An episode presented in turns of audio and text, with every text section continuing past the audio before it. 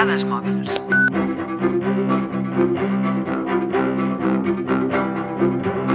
La fondue és un dels àpats més senzills del món, formatge fos i pa dur. Eh, també és un trasto, un pongo. Segons en Ramon Solsona un dia al matí de Catalunya Ràdio, un què em faig? Un què em faig? Eh, és l'últim recurs quan no saps què regalar mm, i és un càstig que hem patit eh, tots i totes eh, a les cases. Tots aquests atributs no s'aconsegueixen així com així eh, d'un dia per a un altre. El motiu pel qual la fondue és tan famosa arreu del món és una història un pèl més complicada. La popularitat de la fondue no va ser per casualitat ni per accident. Va ser minuciosament planejada per un càrtel de formatgers que va dominar l'economia de Suïssa durant més de 80 anys. Aquest càrtel s'anomenava, mm, en fi, mal dit en alemany, Schweizer Käse Union AG i va estar actiu des de 1914 fins l'any 1999. I és un clar exemple de l'abús de poder i el domini de l'economia d'un país sencer. En fi, res que no sigui familiar a dia d'avui.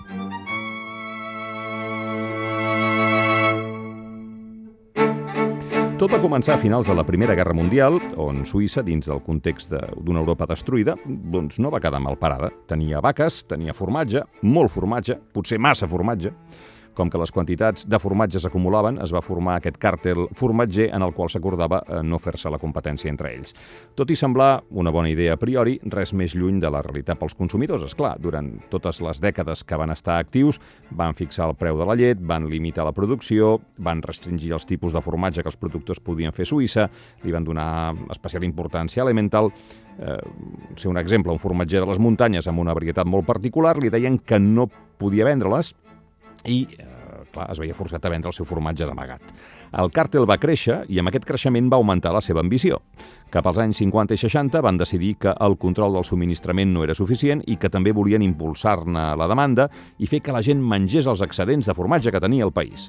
La fondue era originàriament un plat regional dels Alps i es va vendre com un menjar exquisit, sa i deliciós de les muntanyes.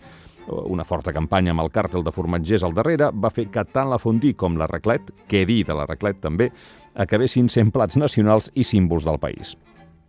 El poder va derivar en corrupció, en competència deslleial, en subsidis que no corresponien, en judicis i empresonaments de responsables del càrtel. La fi de la màfia del formatge va arribar a finals dels anys 90, però la tradició i l'expansió de la fondue, mm, ja ho sabeu, va romandre eh, fins al dia d'avui. Així que si esteu en l'últim moment de la compra d'un regal, recordeu, si us plau, aquesta història. I també que tothom ja té una fondue desada a l'armari, allà al, al fons. Demà al Dades Mòbils continuarem parlant d'objectes, però que desperten emocions diferents als de la fondue.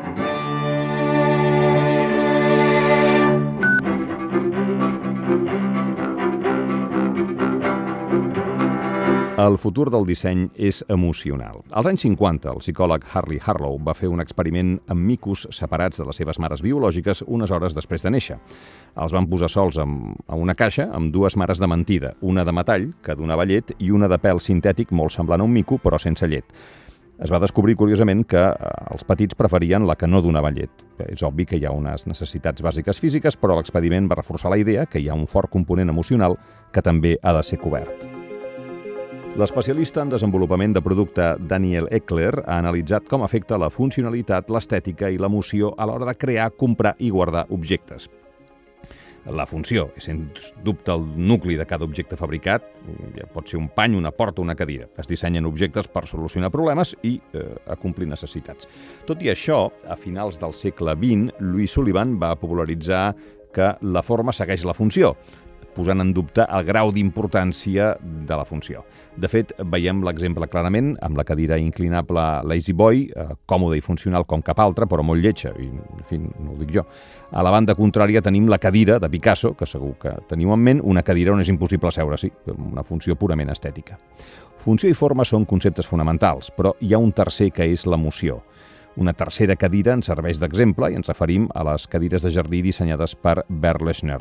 Cadires en formes humanes que desperten emocions, sentiments, són tan antropomòrfiques que les podem considerar amigues nostres. Quan coneixem una persona, no pensem com funcionarà, sinó com ens fa sentir.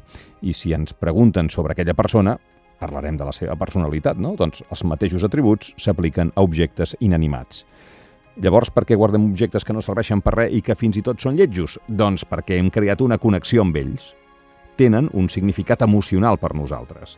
El regal del teu millor amic, una entrada de cinema de la primera vegada que veuen a veure una pel·li junts, i, bé, i després hi ha la Fondi, que la desem per compromís.